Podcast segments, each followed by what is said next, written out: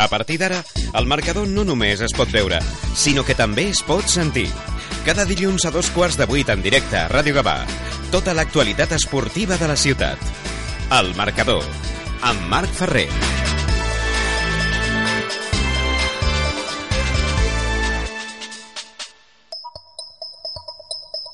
El marcador, el programa esportiu de Ràdio Gavà. Molt bona tarda, benvinguts a una nova edició del Marcador, el programa esportiu de Ràdio Gavà, com sempre, com cada dilluns, a través del 91.2 de la FM, acostant-vos la informació esportiva del cap de setmana. Abans d'entrar en matèria, com sempre, us recordem les vies de comunicació. Si ens voleu comentar alguna cosa, si ens voleu dir el que se us passi pel cap, podeu fer a través de Facebook, a l'adreça facebook.com barra el marcador o a l'adreça de Twitter arroba marcador Gavà. I recordar-vos també que si voleu tornar a escoltar el programa ho podeu fer a través de e-books. Comencem ja, doncs, en matèria. Comencem parlant, com sempre, del Gavà i és que aquest cap de setmana, per fi, ha arribat el triomf, el triomf que posava punt i final a la mala ratxa que en les últimes jornades havia arrossegat el Gavà. Portava 10 partits sense aconseguir els 3 punts i aquest cap de setmana visitava el camp del Palamós. El míster, el Juan Mapons, ja comentava que seria un desplaçament eh, complicat, però que ells tenien moltes ganes i que anaven a per totes i doncs, si podien portar els 3 punts que pagava, doncs millor que millor. Finalment ho van aconseguir, van aconseguir guanyar amb autoritat, amb un resultat 1 a 4 al uh, conjunt uh, palamosí. Uh, si us sembla, el que anem a fer ara és escoltar la crònica d'aquest uh, Palamós 1, Gava 4. Aquest diumenge a la tarda el club de futbol Gavà ha posat punt i final a la mala ratxa de resultats. Després de 10 jornades, els gabanencs han aconseguit sumar els 3 punts al camp del Palamós en un partit que es va guanyar amb autoritat per 1 a 4. Ja des dels primers compassos del partit, el Gavà es va mostrar molt actiu en l'atac, creant jugades de perill, especialment al contracop. Així, al minut 15, Roque va tenir la primera ocasió amb un xut un pèl desviat. El Palamós responia uns minuts més tard amb una falta de Del Moral. Al 25, Civil ho provava amb un xut que anava a les mans de Bayona. Al 38, Roque era derribat a l'àrea pel porter i l'àrbitre assenyalava penal. Civil era l'encarregat de transformar el llançament fent el 0 a 1. A la segona meitat, el Gavà va pujar una marxa més i Arthur aconseguia marcar el 0-2 amb una bona acció individual en el minut 53. Al 64, en un córner i després d'un doble refús, el debutant Gales aconseguia fer el 0-3. El Palamós, però, no va baixar els braços i al 83 Axel feia l'1-3. Només 4 minuts després, Alan passava una pilota que Dani Hernández enviava al fons de la porteria.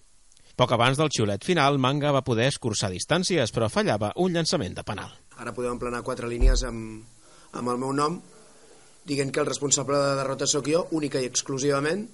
Eh, no he sapigut transmetre exactament tot el que volia el meu grup i no ha sortit bé. El que sí, tot i el 0-3 i fins al minut 93 l'equip ha continuat donant, donant la cara, intentant jugar a futbol, intentant fer-ho bé, intentant marcar un gol que ens apropi eh, bueno, una miqueta més a la diferència y a partir de aquí doncs, asumir la responsabilidad de la derrota. Bueno, yo creo que la clave del partido es el orden, la disciplina, eh, las ganas que hemos puesto, luego hemos sido efectivos, hemos llevado contra muy bien dirigidas. Bueno, el partido lo teníamos bien preparado, pero como te digo antes, a veces los partidos los preparas de una manera, salen de otra. Hoy nos ha salido el partido que hemos buscado y que hemos querido. Son tres puntos que a nivel de clasificación pues estamos ahí rozando el descenso, no sé si hemos salido por golaveraje, bueno, estamos ahí con Martinenki y Castelldefer, me parece igualado 23, pero sobre todo ha de servir para que el equipo coja confianza, porque estaremos de acuerdo que los jugadores, un jugador con confianza te va a rendir tres veces más que un jugador sin confianza. Y hoy los, los jugadores, la confianza que se llevan a casa para seguir trabajando es mucho. Es mucho. Amb aquest resultat, el Gavà no ha sortit de la zona de descens, però ho podria fer diumenge si els gabanencs guanyen el Manlleu a la Bòbila, on dimecres els blaugrana jugaran la semifinal de la Copa Catalunya contra el Girona.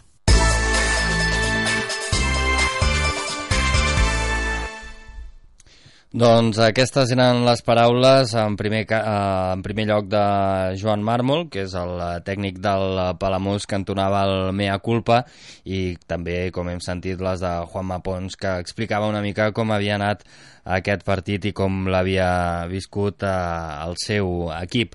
Uh, en principi ens havia d'acompanyar avui en uh, Falú Gales, un dels jugadors uh, que ha arribat recentment al Gavà i que va ser protagonista ahir, marcant un dels gols del partit. Uh, de moment encara no ha arribat, esperem que ho faci en els uh, propers minuts uh, i de moment doncs, uh, comença amb la tertúlia amb el, amb el nostre company, l'Alejandro Segura, company periodista de Radio Marca, qui saludem. Bona, Bona tarda. Bona tarda.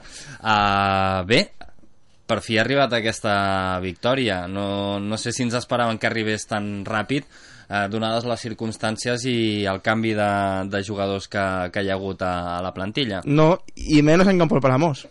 Pues es un campo difícil, ¿no? Todos los equipos van allí y les cuesta sacar una, una, victoria. Hombre, yo creo que es una victoria muy importante porque afrontas ya no solo la eliminatoria de Copa, Catalu de Copa Cataluña que tienes eh, el miércoles contra el Girona, sino que afrontas el próximo partido contra el Manlleu con mucha más seguridad y sobre todo en casa.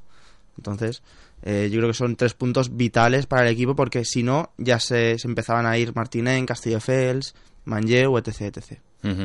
uh, a part de tot això, uh, l'actitud ha estat uh, molt bona. Um, diguéssim, el, el Gavà va saber jugar al Palamós. Uh, uh, després analitzarem si potser no va fer el, el seu millor partit al, al, al Palamós o no, però uh, el cert és que almenys a la roda de premsa Juanma Pons comentava que el, el partit l'havien plantejat d'aquesta manera i que els hi va sortir rodó. Hombre, yo, yo no recuerdo de momento eh, de, en, estos, en estos últimos años que el Gabá haya metido cuatro goles fuera de casa. No sé cuántas veces lo habrá hecho en los últimos 3-4 años, pero poquitas, ¿eh? No, no sé, pero bueno, eh, y sí que es verdad que Juanma Pons, eh, cuando estuvo aquí con nosotros, nos dijo que él, que él quería, que él quería eso en su equipo, que quería un equipo bien armado defensivamente y que cuando llegara arriba mm, las, las supiera enchufar y se vio contra el Palamos. Uh -huh. A part, amb, diguéssim que comencen ja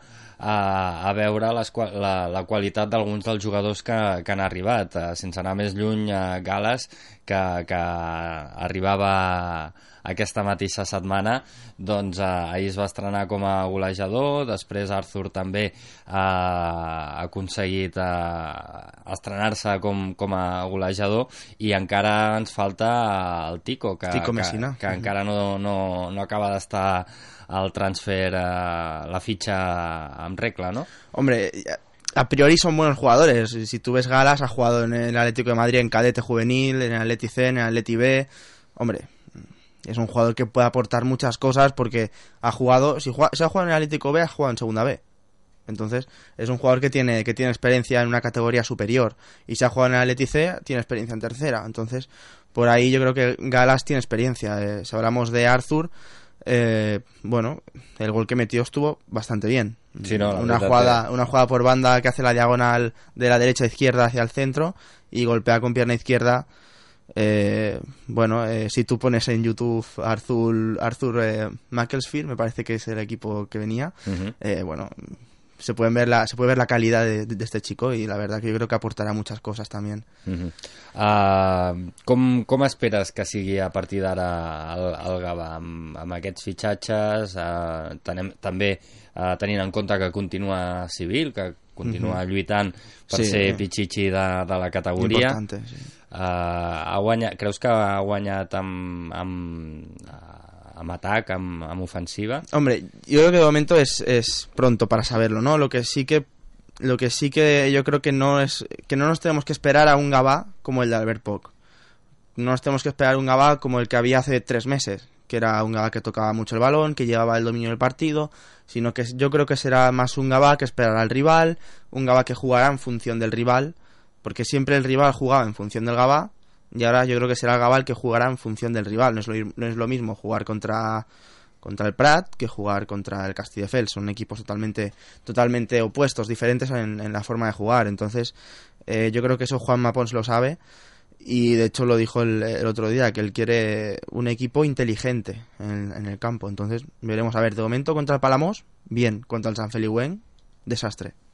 Sí, perquè el partit del, del Sant Feliuenc no, no ens va acabar de... No, de... bueno, una, una de cal y una de arena. Y, y, si, y si la buena sirve para conseguir una racha mmm, positiva de victorias, pues bienvenido sea. Mm -hmm. De fet, en, quan va acabar el partit del Sant Feliuenc, una mica la sensació que ens, que ens donava a tots és que el, el Gavà estava fent, en certa manera, una mica la pretemporada. Uh, sí. No sé si la pretemporada amb, amb aquesta victòria ja ha acabat o encara, encara li falten setmanes per acabar de, de girar rodó. No, sí que es verdad que es como una mini pretemporada en, en diciembre, lo que se hace mucho en la Bundesliga, ¿no? El parón este que han tenido, pues el Gavà hace una pretemporada pero con partidos oficiales de por medio. Entonces, bueno, claro, es que hay, muchos jugadores que estaban sin equipo, que tienen que coger ritmo de competición. Por ejemplo, eh, Galas pese a estar en el Atlético C, no sé si eh, está sin equipo ahora, eh, Pau Botero, creo que también. Bueno, hay una serie de jugadores que no, que no tenían equipo y por eso quizá les cuesta más entrar, todavía falta el transfer de Tico Mesina, eh, Civil que viene de una lesión, que ha estado parado tres semanitas, bueno, poco a poco yo creo que se irán poniendo en, en tono. Uh -huh. uh, comentàvem abans de que feia temps que no veies una golejada i com sempre eh, el nostre amic el, el Havok eh, a través de Twitter ens ha, ens ha facilitat les dades sí. i ens comenta que l'última golejada va ser la temporada 2012-2013 al camp del Balaguer amb un resultat de 1 a 4 i després la temporada 2011-2012 eh, que va golejar l'Amposta per 2 a 4. Així que golejades per, per 4 gols... Eh... Daré, daré las gracias a Havok desde aquí porque hombre, el trabajo que haces es magnífico. Me declaro fan tuyo, si nos estás escuchando, eh, porque me has arreglado bastantes previas de, de partidos. Eh, bueno, interesante ¿no? el dato. La temporada pasada no se consiguió ninguna. Eh, se consiguió contra Balaguer hace dos. Bueno, ojalá se puedan ver más, ¿no? Yo creo que es, es lo que tiene que hacer el Gaba. Mm -hmm. um, creus, però, que la situació és, és uh, reversible? Vull dir, aquesta, aquesta setmana, malgrat la victòria, no hem aconseguit sortir dels llocs de descens, uh, però, diguéssim, hem fet un passet per treure, per treure el cap, com tu bé comentaves abans, així no s'escapen Castelldefels i, i altres, uh, altres equips que estan en una situació similar, però creus que uh, s'acabarà sortint del pou més aviat que, que tard? Hombre, yo espero que sí, ¿no? Yo espero que sí. Eh, por lo que se vio en Palamos, puede ser. Por lo que se vio en Palamos, si, si le ganas al Manlleu, estás fuera. Si le ganas al Manlleu el domingo, ya estás, ya estás fuera del, del descenso. Y a partir de ahí tienes que conseguir eh, un ritmo regular durante toda la temporada, sin altibajos, porque al final, si tú tienes altibajos en la parte, en la fase final de la temporada, es lo que te penaliza. Entonces, eh, tienes que conseguir ese ritmo regular y que el equipo vaya asumiendo. Primero, ganar en casa, es lo más importante. Yo creo que sacar los puntos en casa son importantísimos. Y luego fuera, hacer un buen papel. Quedan desplazamientos todavía muy duros fuera. Uh -huh. Y directos. Per tant, eh, encara, encara tenim temps de, de marge per veure com va evolucionant. Sí, bueno, es que la tercera está en un, en un plan que si ganas 3-4 partidos te pones séptimo, octavo y, y ya parece que está solucionado, pero, pero no, no. Uh -huh. Doncs, si et sembla, anem a repassar com han anat la sí. resta de resultats i com queda la classificació i, i veiem quins són aquests possibles rivals per sortir del pou. Doncs els resultats d'aquesta jornada 22 són els següents. A Martinenc 3, Cerdanyola 1, Vilassar de Mar 0, Escó 1, Figueres 2, Paralada 1, Castelldefels 1, Europa 1, Masnou 0, Rubí 2, Vilafranca 0, El Prat 0, Manlleu 2, Sant Feliuenc 2, Palamós 1, Gavà 4, Terrassa 1, Muntanyesa 0 i Sabadell B 1, Uh, Club de Futbol Poble de Mafumet 3 amb aquests resultats. La classificació queda de la següent manera. Líder l'Escó amb 44 punts empatat a la Pobla de Mafumet. A la tercera posició trobem el Rubí amb 40 punts. En l'Europa és quart amb 37 a la cinquena posició el Terrassa amb 34, el Figueres és sisè amb 32, el Prat setè amb 31, Cerdanyola del Vallès amb 30 punts ocupa la vuitena posició, als mateixos punts, 30 té el Masnou que és novè. A la desena posició la Muntanyesa amb 29 També tenen 29 punts el Sant Feliuenc, el Palamós, el Vilafranca i el Paralada. A la quinzena posició trobem ja la Sabadell B amb 26 punts, el Manlleu és setzer amb 24, a la 17a posició el Castelldefels amb 23 i en els llocs de descens ho trobem el Gavà amb 23 punts, també amb 23 el Martinenc i tanca la classificació el Vilassar de Mar amb 12 punts. Déu nhi estem acostumats a, a dir-ho, no? Però, però és que cada setmana ens dona la raó els, els resultats, eh, que la tercera divisió està molt, molt igualada i ho trobem aquí un, un, tota una sèrie d'equips empatats a, a punts. És el cas de la Muntanyesa, Sant Feliuenc, Palamós, Vilafranca i Paralada. O sigui, això són uh, un, dos, tres, quatre, cinc, uh, cinc equips tots ells amb 29 punts eh, i, i bé, és, un, és la, la manera més visible de veure lo igualada que és la categoría. Sí, y hace dos meses, cuando venía aquí decíamos, no, el Prat y el Figueras, si ganan partidos se ponen arriba. Eh, Figueras sexto, Prat séptimo ya. sí, sí, és una cosa. I el Paralada aquí va arriba, que empezó primero, decimocuarto. Clar, perquè de fet el, el Gavà, diguéssim, que, que diguéssim, és el que obre la, la, els llocs de descens, té 23 punts, però, però és que amb 3 punts ja, ja més et plantes ja amb el Sabadell Sí, i, no, que, i... que està a 9 del Figueres, que és sexto. Per tant, vull dir, és que és, sí, sí. és, és, és un, una jornada, un resultat et, et pot variar molt la, la classificació. Ganas dos, tres partidos y ya, y ya estás en una situación más o menos cómoda, pierdes dos, tres partidos y estás eh, mirando al descenso. ¿no? Es, es, una categoría esta temporada muy igualada, excepto como parece ser que Asco y Pobla de Mafumet han cogido la directa y se van y se van para arriba sin que nadie los pille, però los demás estan más o menos a la par. Mm -hmm. Aquests ja tenen pràcticament la, la salvació assegurada amb 44 punts. No, ja, ja la tienen, ja. I, I suposo, eh, no sé si, si um, creus que variaran molt les posicions de, de la part de dalt Veiem l'escola, mm. Poble de Mafumet, que aquest yo, sembla que... Yo, mis, mis, mis buenos amigos de Rubí, se les ha ido, se les ha ido Boris Garros, el delantero, al Hospitalet. Eh, yo creo que no van a estar ahí arriba. ¿eh? Yo creo que se colará el Europa y luego a partir de ahí hay tres gigantes de la categoría como son Tarrasa, Figueras y Prat que deberían pelear por estar arriba. Uh -huh. Per tant, eh, comencem ja a veure una mica com estarà, com estarà la, la, sí. la lluita, almenys pels llocs de dalt. I pels llocs de baix, com, com ho veus? Jo crec que el Vilassar de Mar eh, tiene bastante pinta de, de, que no, de que no va a poder salvar la categoría. Y a partir de ahí una serie de equipos que son una incógnita. Porque claro, Martinen se ha reforzado con Vivo, por ejemplo. Eh, se ha reforzado bien. El Gabá es un equipo totalmente nuevo eh, el Casti de Fels también ha hecho algunas incorporaciones, que por cierto estuve en el Casti de Fels Europa el, el, domingo y me dejó buenas sensaciones el Casti de Fels, que lo llevo diciendo lo llevo diciendo varias temporadas y hay varias temporadas que está ahí al borde coqueteando con el descenso, pero para mí el Casti de Fels tampoco debería estar ahí. Eh, y el Sabadell B tampoco, el Sabadell B tiene un, un equipo, un ataque de lo mejorcito de la categoría. Uh -huh. Entonces yo creo que va a ser muy duro eh, salir, salir de abajo. Mm -hmm. Jabo, que t'agraeix, per cert, eh, el comentari que, que has fet abans eh, sobre que, bueno, que, que, que declaraves fan sí, seu. Sí. No, no, és que és veritat. tots, som, tots som fans perquè sí, la veritat sí. és que el, les estadístiques que guarda i les dades que té eh, són una passada, són una passada. Uh, el proper rival, proper rival uh, aquest cap de setmana uh, Bé, si et sembla, parlem primer de la Copa Catalunya. Me pare. Eh? Perquè aquest, eh, recordem a tothom qui ens escolta que aquest dimecres eh, toca partides aquí a la Bòbila. Si no recordo malament és a les 8 del... Eh, 9, em sembla, A les 9? Em sembla que sí. Ara, sí? ara, ara ho ah, mirem millor, però em ara sembla ho mirem que... millor i, i després de, de la Publi us ho, us ho confirmem. Uh, però uh, el cas és que aquest, cap de, aquest dimecres ve el, el Girona uh, per jugar la, fini, la semifinal contra el Gavà de la Copa Catalunya un partit eh, d'aquests que fan ganes d'anar a veure, ¿eh? Sí, hombre, ahí, estaremos los primeros, ¿no? ahí estaremos viendo al Gaba Girona. Yo creo que mmm, la ilusión puede más que otra cosa. Yo creo que tanto Gaba como Europa creo que tienen más ilusión que Sabadell y que Girona.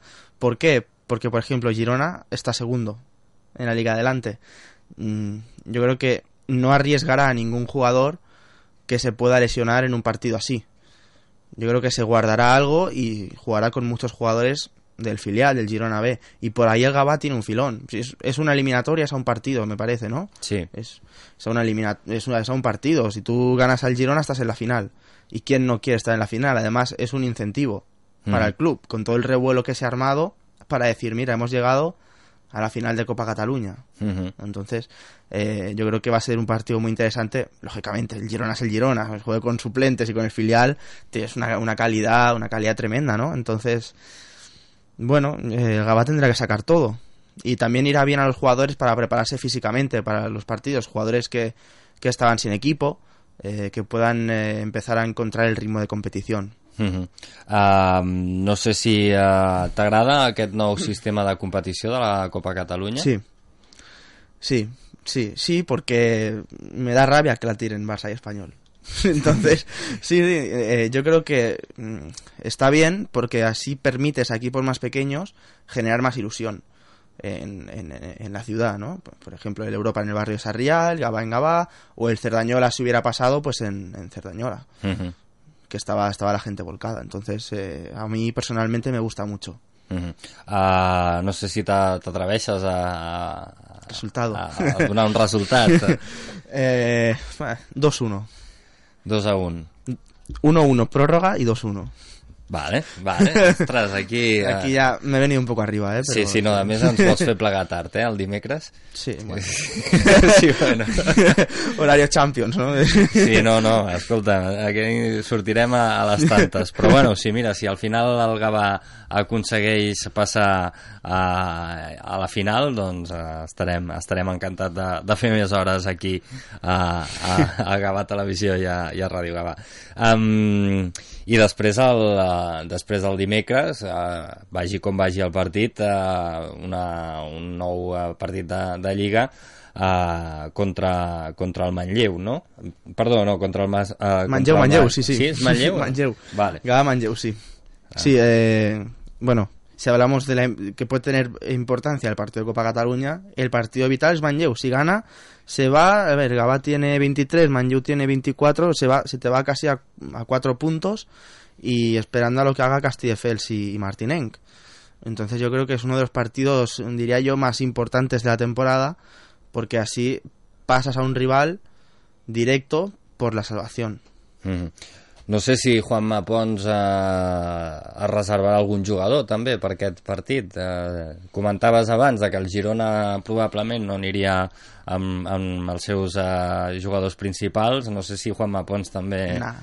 Bueno, yo creo que si puede guardar a alguien, esa es Xavi Civil, que a lo mejor está un poquito todavía del tobillo así así, eh, pero lo demás yo creo que es un partido que genera mucha ilusión, que si la gente responde, la gente tiene que ver al mejor Gabá, porque sería un incentivo muy bueno para el domingo y para los siguientes partidos, porque no es lo mismo jugar contra el Girona que jugar, con todos mis respetos, contra el Martinenc o contra Cerdañola, que quizá no tienen ese cartel que tiene el Girona, ¿no? Uh -huh. que es, es, es eh, segundo clasificado en, en segunda división. Entonces yo creo que no, que Juanma no se va a reservar a nadie y va a salir, creo, ¿eh?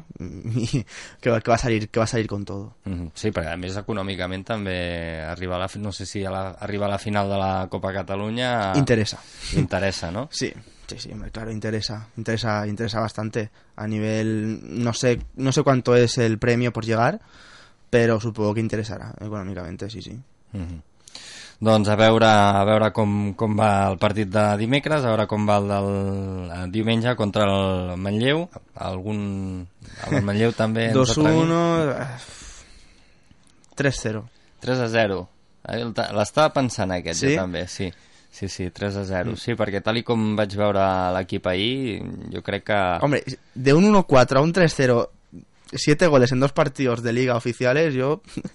No, no, escolta, és un canvi, un sí, canvi sí, total, sí. un canvi Increïble, total. Sí, sí. Doncs esperem que, que els pronòstics que ens ha fet l'Alejandro doncs, eh, es compleixin al final i que aconseguim aquestes dues victòries el dimecres a la Copa Catalunya. Ara després confirmarem eh, l'horari, si és a les 8 o les 9, eh, i el diumenge vinent, com sempre, eh, dos quarts de 12 del migdia. Se mantiene, contra- se mantiene el horario, ¿no? Si més no, contra el Sant Feliuenc que es va jugar a aquesta hora, no hi ha hagut notícia de que s'hagi canviat, eh, per tant, suposo que s'acabarà jugant, com sempre, a dos quarts de, de 12. Sí. Una mica per, per distingir el Gavà de la resta d'equips. Ja sé que per vosaltres, per a Radio Mal. Marca, us va una mica malament eh, pel tema de... Mal, mal porque nunca podrá ser máster a esa hora, o casi nunca podrá ser máster. Serà complicat, serà complicat. Haureu d'adelantar una mica la- l'inici del, No, del no, carrusel. no- no creo. No, no? Home, l'avantatge seria que potser aleshores podríeu fer la primera mitja hora del Gavà en directe, no? O sea, això- La- eso- la- eso sí, eso La sí. retransmissió i després ja enllaceu amb els altres. Eso sí, eso, hombre, sería, sería lo suyo, la verdad. Para mí más todavía, pero...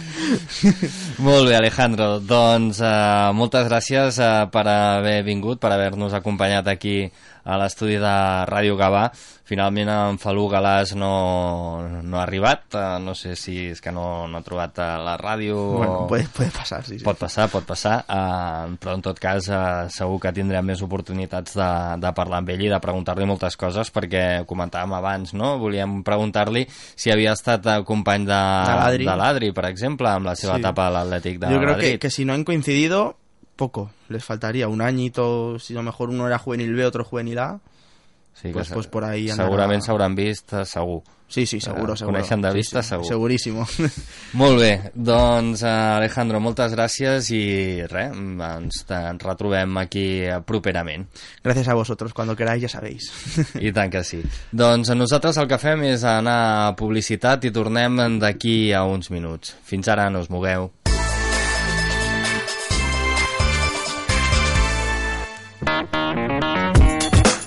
A Daos Moda Home ens canviem de local.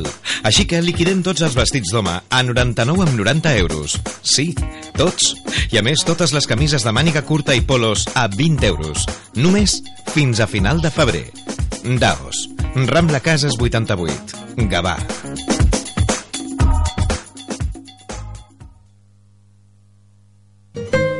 14 de febrero, San Valentín. Sorpréndele, reserva mesa y disfruta de una velada inolvidable con menú especial y baile de carnaval. En restaurante Raco de Madu lo tienen todo, todo preparado para enamorar y que te enamores.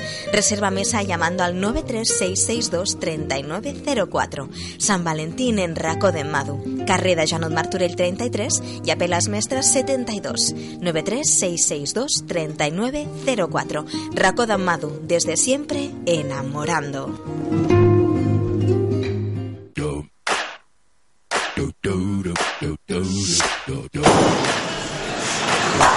Si te gustan los bolos, Planet Bowling. Compra tus partidas a través de nuestra web y consigue grandes descuentos. Fíjate, los miércoles 2,90 euros la partida y el alquiler del calzado gratuito. Visita nuestra web y juega.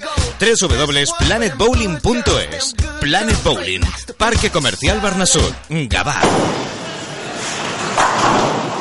¿Estás pensando en sacarte el carnet de coche, moto o camión? Entonces estás pensando en Autoescola Brugués, la autoescuela de todo el mundo. Con Autoescola Brugués conseguirás todos los permisos, también el CAP y hasta operador de carretillas elevadoras. Además, no te agobiarán con teorías interminables porque...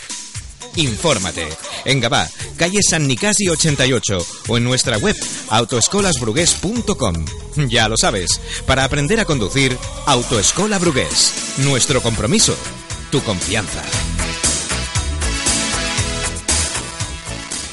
Directo de América llega Gabá. CFC, Crispy's Friend Chicken, siempre fresco. Disfruta de nuestros productos crujientes y frescos no congelados. CFC, Crispy's Friend Chicken, siempre fresco. Te esperamos en el Passeig de Joan Maragall 13 de Gavà. O si lo prefieres, te lo llevamos a casa. 931729046 93 172 9046. CFC, Crispy's Friend Chicken, productos frescos, muy frescos. Where did you come from, Cotton Joe? Això és Ràdio Gavà.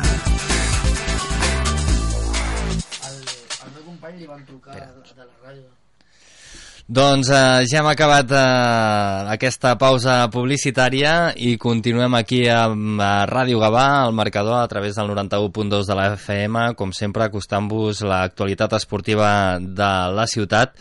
I ara aquestes veus eh, que sentíeu eh, és perquè acaba d'arribar el Jordi Alejandro, que és uh, un alpinista de, de la UME que doncs, el passat 14, si no recordo malament, de gener, el 16 al final va ser, però teníeu previst el 14, veritat? 13-14 13, 14, que estava val. previst. Doncs uh, va aconseguir pujar dalt de tot de la Concagua. Perquè ens expliqui una mica aquesta experiència, com va anar aquesta expedició, doncs l'hem convidat aquí a l'estudi de Ràdio Gavà i uh, li donem la benvinguda, ben tornat, uh, Jordi. Moltes gràcies. I l'enhorabona per haver aconseguit el, el repte de pujar a la Concagua. Gràcies de nou. Uh, com, com sorgeix la idea de fer aquesta expedició? Perquè això té a veure amb una expedició que vau fer amb, amb, un, amb el uh, company que, que t'acompanyava, no? Amb el, uh, uh, de, que era del, Sí. del, uh, Del CEAC. Del CEAC. Sí, això va sortir al, al juny, al, al cim del Mont Blanc, quan van fer l'expedició al Mont Blanc i van fer cim, va anar tot molt bé i, i va sortir allà de i si fem la Concagua? Doncs endavant. Anem a fer la Concagua. I al juliol ja van, van comprar el bitllet d'avió i ja van començar des del juliol l'hem portat preparant des del juliol. Mhm. ja van començar a mirar a fer-nos el programa les coses que em feien falta i, i així va començar. Fent un 5 que és el Mont Blanc molt maco i, i allà va sortir Mhm. la idea de fer-ho A més, a la Concagua, amb 6.962 uh, metres, és el, el cim més alt de, de Sud-amèrica, no? no, de, de tot el De tot- de continent tot el continent. de tot el continent Amèrica és el després, fora de la cordillera dels Himalayas el, el, el més alt del món si no, si no contenen els Himalaya i, i el segon del món després de l'Everest amb major provinència. És un cim home, bastant important. El més alt de a tota Amèrica. I un cim especial perquè no, no té res tècnic però allà on està l'hemisferi sud la latitud degut a aquesta latitud on està l'altitud afecta molt menys. Molt més que, que, que un que, un altre cim de 100.000 metres de 100.000 doncs la Concagua té això, que l'alçada allí Es nota- passa, es es nota nota, més. molt més, passa factura, Mhm. molta. Com, com us vau uh, preparar, tu i el, i l'Isidoro? Bueno, preparar preparar aquí no podem preparar-nos molt perquè allí el que tenim és l'alçada físicament estem preparats perquè sempre estem fent muntanya aquí el que sí que vam fer així una miqueta per, per acostumar-nos molt al fred ha sigut dormir a, al cim del Puigmal dormir als Simons de Corones a 2800 dormir en alçada, en tenda, en neu, en fred i sortir amb molt de vent en dies que normalment no surt a la muntanya i acostumar-nos a provar la roba que, tècnica que portaven a, pel vent perquè allà és un dels factors que, que influeixen molt el vent a la Concagua fa molt de vent sempre i, i en alçades molt fred i així ha sigut la, la forma de, de preparar-nos però una vegada allà ja és on fas l'aclimatació i és on tens que fer segons el teu cos et deixa fer Mhm. i la muntanya, clar Uh -huh. Uh, em sembla que sortíeu pels vols de cap d'any. Uh, no, comentàveu el dia que presentàveu l'expedició que segurament doncs, uh, celebraríeu el cap d'any pujats a, damunt de, de l'avió. Uh, com va anar aquest cap d'any a, a, molt trist. en alçada? Molt trist, no es van donar cap raïm perquè es veu que ja no ho celebren. I, i bueno van, en una copa de vida aquest vi que et donen a l'avió van, van dir que bon any i, i res més. I la veritat és que no pensaven molt en el cap d'any. Pensaven més en el que anaven a fer que no en, en el cap d'any però va ser això. Bon any i, i res. No, no més, no ha sigut més perquè ni, ni pensaves que estava Sant Nadal. L'ha celebrat eh, al tornar, no? Tu- el tornar, no sé si amb la família haurà celebrat l'any nou. No, la veritat és que no, encara no, tampoc? no. Ja, jo crec que ja aquí la gent ja ho ha passat i ja no se'n recorda del cap d'any. He celebrat Felsing, això sí. Ah, molt bé. Uh, arribeu a... allà i el que toca és uh, sobretot aclimatar-se a l'alçada, no? Perquè ja des, de, des del primer moment ja pràcticament, uh, no sé si esteu a uns 4.000 metres, pot ser? No, sortint a 2.950, sortint el primer dia sortint des de nou- 2.950 i anant al cant intermig de confluència que està a 3.400. Déu-n'hi-do. I, I aquella nit va ser el, el dia que vaig tenir una miqueta de mal de cap, Mhm. a 3.400. Després ja la cosa va anar molt bé, però l'únic dia sí que va dormint. Altres dies, altres coses m'han passat, però així de... En l'aclimatació va ser l'únic dia una miqueta mal de cap, però no m'he tingut que, que pres cap medicament ni res, i, i tot bé. 3.000 3.400, després feien el dia següent un trekking a, a un lloc que es diu Plaza França, 4.100 per aclimatar, i allà es veu la cara sud de la Concagua, que és la cara més més vertical, més... Allí les cares sud són... Com la cara nord de com les l'hemisferi cares nord. nord d'aquí? I és una paret de quasi 3.000 metres d'alçada im- impressionant, que s'aixeca a, dalt d'un glaciar i molt maco, molt maco. Fa- Fas aquest trekking per aclimatar, 4.100, per arribar després, al dia següent, al camp base, que ja és 4.300, ja arribes a, a, havent tocat l'alçada de 4.100. Per arribar al camp base una miqueta més aclimatat, que no t'afecti tant. Mhm. I aquest dia des del Confluències del 3.400 fins a cal, al camp base són 22 quilòmetres que tens que fer Mhm. amb 1.000 metres de desnivell i carregat aquest dia és, és dur, és dur és un ambient molt sec no n'hi ha vegetació, no n'hi ha ombra perquè ja a partir de 3.000 metres ja no, no, Ja no- creix, no creix res. a partir de 2.000 ja no, no creix res només que van sortir algun, alguna herba però, però res i bueno, arriben al camp base de 4.300 un dia molt dur i molt sec perquè allà la humitat relativa és del 7 al 4% aquí estem al 80-90 i allà és molt sec tot. Mhm. Per tant, suposo que bàsic hidratar-se bé, no?, amb, amb aquesta sequedat Sí, sí. i amb el sol i tot plegat. i tant, uns, uns 5-8 litres d'aigua tenien que beure cada dia Déu-n'hi-do, Déu-n'hi-do. bueno, es, no et donaves compte perquè feies moltes infusions i bueno, ara unes infusions ara un, un, un suc que, bueno, que era aigua i nosaltres li posaven els, els pols Mhm. de, amb minerals i tal i vas fent, vas fent i no sessionar-te sinó anar bevent ara unes infusions ara un no sé tés de Ma- tot Mate, també? mate també et donaven, mate et donaven. I, I està molt bé perquè estàs així, no et dones compte i van pren mate i t'estàs hidratant. És, allí tothom ho feia i mira, i Ara- convidaven i bueno, bé, anava bé. Anava bé. Ara t'hauràs aficionat al mate, no sé bueno, si... m'han regalat un, això de mate, però no crec que aquí... No? no. Estava bé, eh, per això. No l'havia provat mai i ja estava bé. I un cop arribats al, al camp base, eh, com, comença una nova aventura, no? Sí, Perquè- allà, allà ja comença l'aclimatació sèria i allà arribem, descansem un, un dia, dos dies van descansar.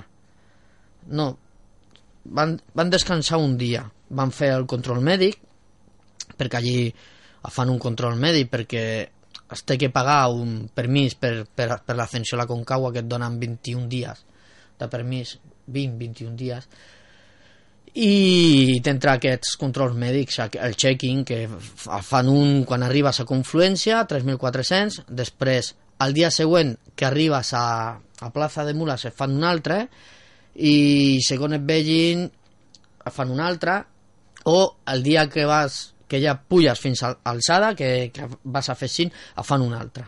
Mhm. I, bueno, tot bé, alguna petita coseta, però des, que és cosa de l'altura que en el temps es va... I allà, doncs, comen... descansem un dia i l'altre dia anem a fer el Cerro Bonete per aclimatar. El programa, primerament, tenien que, que fer un porteig a, a un camp d'alçada que es deia que es diu Canadà i aquest mm, van decidir de no utilitzar aquest camp d'alçada perquè l'altre estava molt a prop aleshores no calia. I podíem fer un 5 que havia per allà que es diu Cerro Bonete que és un 5.010 i van optar per fer el 5 i després de fer el 5 al dia següent van fer un porteig al camp d'alçada que està al segon camp d'alçada directament ja que es diu Nido de Cóndores que està es troba a 5.380 van portejar la tenda d'alçada el menjar d'alçada per, per als dies que teníem previst que després va canviar la cosa una miqueta i eh, i van tornar a baixar van tornar a baixar i van descansar una altra vegada mm. a 4.300 després eh, quan es saltava en Canadà van descansar un dia més Uh -huh. I així aprofitaven una finestra de bon temps que venia. Vale. perquè els dies d'aclimatació estava una miqueta lleig. Es va nevar una miqueta i feia molt de vent, estava molt gris i farinava.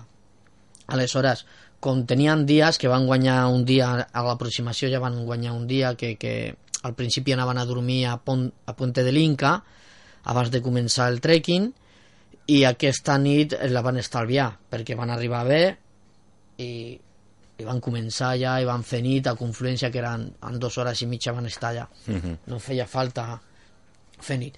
Doncs van descansar dos dies i ja el dia 11 ja el segon porteig a Nido de Cóndores amb tota la el sac de dormir i amb totes les coses ja per fer l'atac al cim.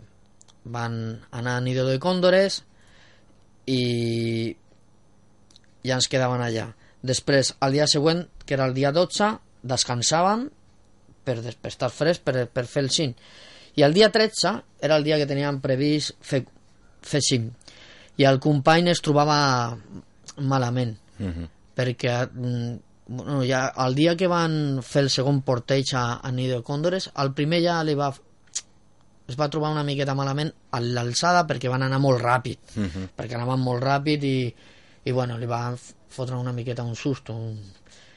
però res, no? es va recuperar bé i tal i el dia del segon porteig quan van arribar allà a l'hora de muntar la tenda es trobaven els dos que si estiguessin flotant Vale. de l'alçada ja mm, no coordinaven per fer nusos es trobaven així una miqueta però això se'ls va passar a les 3 hores era, Mhm. això era molt normal no? perquè era l'alçada que, que allà a 5.000 5.300 et dona un cop i a 6.000 6.500 es dona un altre cop Mhm. I, i el teu cos té que racionar això a les 3 hores van racionar i bé, però quan se'n va aixecar el dia que tocava el cint es trobava malament feia mal al cap, es trobava malament i bueno, com l'altre dia també donava bon temps, van dir bueno ho intenten el dia següent que era pujar a còlera i des d'allà fer cim però van parlar amb gent que feien el cim des d'allà Mhm. des d'aquest camp d'alçada des de Nido de Cóndores i ho van plantejar, valorant ho i- van valorar. Jo no ho tenia clar perquè eren molts de desnivels en alçada i el meu cos per, per exemple no, no havia estat mai en aquesta situació jo no sabria com reaccionaria. Bueno, total que van decidir fer-ho així i eren quasi 1.600 de desnivell des d'allà, era Mhm. molt, era molt. I el dia 14 van intentar fer cim des d'allà van, es van aixecar a les 4 del matí i feia molt de fred. Molt de fred. Quan van arribar a 6.000 metres que era Berlín es van ficar un refugi que n'hi ha i jo em trobava molt malament jo em quedava dormit per la falta d'oxigen els dits dels peus no me'ls notava i em quedava dormint, no coordinaven, em, tra em trepitjaven, em, em tropezaven tot i van continuar fins al 6100 on sortia el sol però jo allí vaig decidir de donar-me la volta Uh -huh. Donar-me la volta perquè l'hora que era allà on estaven, el que es quedava per davant no ho veia factible Uh -huh. i el company en, en, en dos nois més que es van juntar per fer el cine aquest dia van sortir junts doncs va, va intentar-ho fin- i ell va arribar fins a 5.600 fins a, a peu de la canaleta Mhm. em va dir que va arribar i es va donar el ton també no, no va fer cim aleshores quan estaven al campament una altra vegada de Nido Còndores jo al dia següent vaig mirar el planning i vaig veure que, en, que quedaven dos dies que podien aprofitar Sí. i li vaig proposar de desmuntar el campament pujar-lo fins a còlera i intentar fer el cim com, com, com es fa Com teníeu previst sense bestieses no? És com teníem previst en un principi ell em va dir que no. Que em va dir que no que ell ja estava bé fins on havia arribat que no es veia per intentar una altra vegada i va decidir baixar-se fins a campament base i després fins a Mendoza.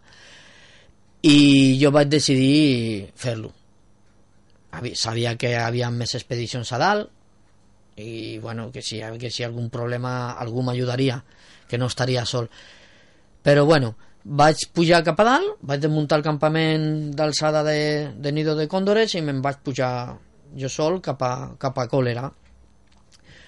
Vaig fer nit allà que està a 6.970 i se, se'm va quedar al, al frontal el llum sense bateria. Mhm. ja no tenia bateria, no tenia encenedor, em va gastar tot perquè aquest dia no estaven previst que estiguessin en alçada allà. Mhm. Em van donar menjar, gent va demanar menjar, em van donar menjar per poder pujar cap a dalt perquè el menjar que el tenien nosaltres al camp base. Uh -huh.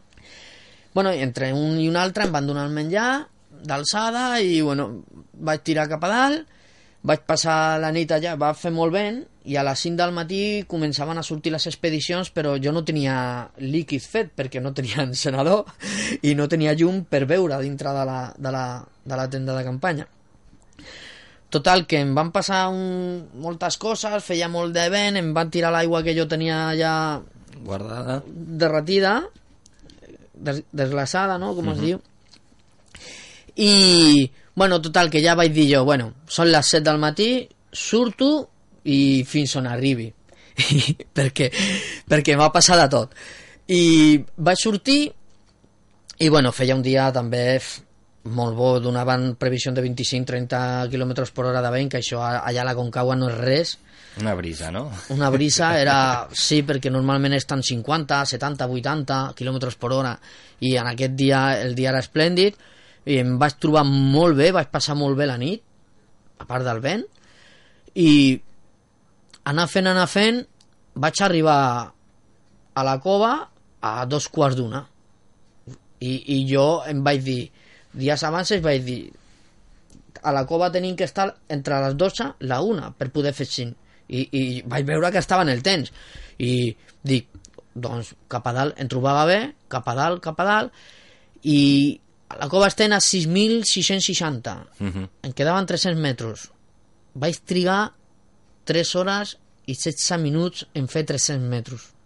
Allà caminar era uf, un passo 5 segons, un altre passo 5 segons i era estava allà posa la canaleta aquesta en la que diu tu puges, tu no puges allà la gent es donava el tom així, hi havia expedicions davant meu que es donaven el tom una de romanesos i parts d'altres expedicions es quedaven a meitat de la canaleta no, i no pujaven.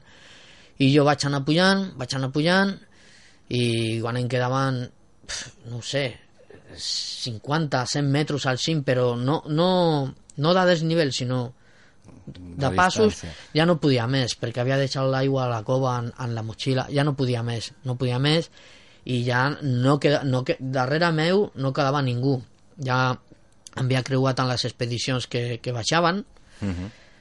en, en el Juanito Oliazábal que també baixava en la seva expedició i, i m'anava a donar el tom i de, de sobte veig que n'hi ha un noi i una noia, que era un guia, en, en una clienta que, que estava al cim i darrere meu venia un, un altre guia de muntanya de- d'allà que es deia Luis, que, que van estar parlant a, a Can Base, al Camp d'Alçada i Mhm. tot això i, i em va dir vinga Jordi, que ja estàs que no, que no queda res que, que, que ja estem al cim vinga, va, un passet, un altre i així, així, el, em va avançar ell va anar cap al davant i, i jo a 15-20 metres darrere seu vaig anar i, i vaig poder fer el cim i després ajudar-los a baixar la dona aquesta que estava al cim perquè Mhm. estava esgotada l'altra pujava a ajudar el seu company a baixar la dona Mhm.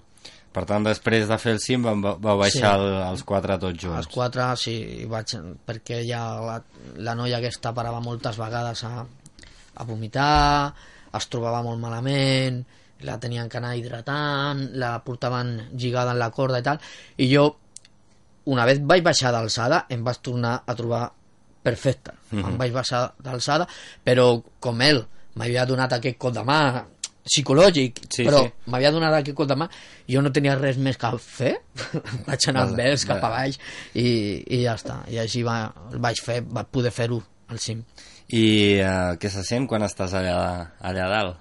Bueno, allà dalt Vas estar molta estona? no, o... no, no vaig estar molta estona perquè vaig san, van arribar ja a, les, a, a un quart de cinc. Ja era Mhm. tard, ja era tard per, a, per, per, per estar allà i, i ja s'estava tapant. Mhm. A partir de les 3 de la tarda la Concagua cada dia es tapava Mhm. i farinava i clar, a, aquest noi, el Lluís em va dir eh, tenim que anar cap a baix ja eh? em va fer les fotos ell vaig fer un vídeo quan vaig arribar el primer que vaig fer va ser tirar-me al terra no? em vaig tirar al terra i li vaig demanar aigua amb ell que portava suc perquè jo me l'en vaig deixar a la cova per això em va costar tant potser Mhm. perquè no vaig donar-me compte, la gent deixava les motxilles allà, però clar, la gent que anava en expedicions i el guia li portava en la motxilla seva l'aigua. I jo vaig deixar la meva motxilla en l'aigua, en, en el termo, en tot. I clar, eren 3 hores i pico de pujada, més la baixada, en aquesta alçada l'aigua no te la pots No te la deixar. pots deixar. La propera ja, ja ho saps. Ja, i tant. I allà, allà dalt, doncs, clar, allà dalt jo pensava on estava, no? Mira on estic, estic aquí dalt, tot això és Amèrica, però mm, ho vaig notar més quan ja vaig començar a baixar i és quan em va venir la emoció i les coses de, que l'ho he fet, que l'ho he Mhm. fet, perquè a, a dalt jo pensava, ara tinc que baixar d'aquí, Déu-n'hi-do la que m'espera, no Clar. pensaves? però és molt diferent la baixada de la Concagua, és com tartera tot Mhm. i baixes molt ràpid. Una, una vegada ja has baixat de la canaleta, Mhm. després la baixada és ràpida, és pots córrer, Mhm. pots córrer perquè és molt, molt... Clar, pujar costa més perquè donaves un pas i t'enfonsaves una miqueta cap a baix i així, és com tartera com... I a més l'alçada, no? També, Sí, que, que un cop estàs eh, baixant ja vas, diguéssim, Sí. recuperant-te, no? De... allà n'hi ha un lloc a la gran travessia que li diuen que és el dedo, que li diuen lo llaman li di, sí, li diuen el dedo, el dit. I són 6.500 d'alçada això. Un cop passes d'allà el teu cos recupera molt, moltíssim moltíssim. Perquè estan allà han baixat, han hagut molt, uns quants rescats i molts d'edemes pulmonars o gent molt esgotada a dalt i, i nosaltres estàvem a, al, al Duomo que se li diu allà que és on estan el Papa Lima que són la patrulla de seguretat de rescat i baixa'l fins al dit baixa'l fins al dit que allà ja recuperen portaven en oxigen i tal però una vegada arribaven als 6.500 el cos teu ja comença a, A a, recuperar no? a recuperar una miqueta Mm. això sí, a partir dels 5.500 pujar Déu-n'hi-do. mai a la vida m'havia costat tant un 300 metres un... però bueno I no sé si ara tens algun altre projecte al cap. el tinc. Sí. Ja el tenia, el tinc. Però n'hi han dos, el, però estic intentant decidir-me... És que n'hi han dos, que és un és l'Elbrus, Mhm. que és el més alt d'Europa, de, de Rússia, però fer-lo en esquís de muntanya, o el pic Lenin, a la cordillera del Pamir, que és el segon més alt de la cordillera del Pamir, que està a Àsia, que aquest és 7.134. Però mm, encara no sé per qual, per quin decidir-me, per, perquè l'Elbrus em fa molta gràcia i fer-lo en esquís, però ara mateix està ja la miqueta en la guerra, Ucrània i tot això està una Mhm. miqueta així Complicada la cosa. complicada la cosa i pot ser que, que em vagi al Lenin. Mhm. Aquest és més seriós. És, té més neu, glacial, grietes, eh, et tens que encordar-te una miqueta, és una miqueta més tècnic, més tipus Montblanc o així, amb més alçada, però però, bueno, jo no el veig m'agrada, no, està bé aquest jo Mhm. crec que, que té molts punts aquest Mhm. L'Ume et dona, et dona suport si, si inicies aquesta expedició? Encara no li he comentat a l'Ume, se l'he comentat a, a una persona que voldria venir, que és d'Argentina, que Mhm. la vaig conèixer allà, i i bueno, ja els meus amics així, però encara com no ho tinc clar, tinc que començar ara ja a enviar els correus, els mails, a veure què em diuen, perquè a mi el que no m'agrada és que m'obliguen a agafar un guia. Mhm. Tu t'agrada anar pel teu compte. Clar, que sigui un traductor, una persona que et doni un cop de mà, sí, però que em porti al cim, no. Al cim, aquest treball ho vull fer jo per mi, Mhm. que és el que m'agrada, perquè si no, no li veig... El... No té No tanta sé. gràcia. Clar, no...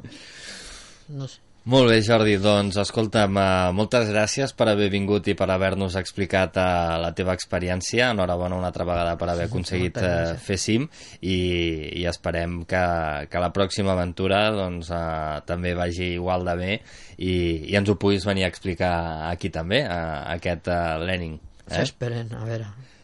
Doncs nosaltres, abans de marxar, el que anem a fer ara és repassar la resta de resultats esportius d'aquest cap de setmana.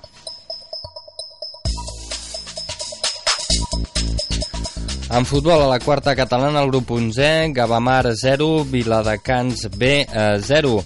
A la primera divisió de futbol veterans, Derbi, Molin, Molinos Gavà 4, Gavà 0. En futbol femení, a la segona divisió, el grup segon, Gavamar 1, Canvi de LED 0. En handbol, a la primera estatal masculina, handbol Sant Cugat 27, Club d'handbol Gavà 25. I en la Lliga Catalana Sènior Femenina, Club d'handbol Gavà 30, Club d'handbol mm, Escó 19. En bàsquet, a la primera catalana, Club de bàsquet La Palma 76, Club de bàsquet Gavà 109.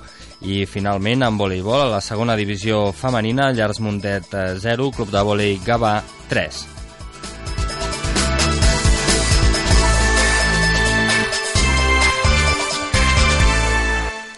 Doncs ara sí que hem arribat al final del programa d'avui. Avui hem començat una mica més tard, per això també acabem una miqueta més tard.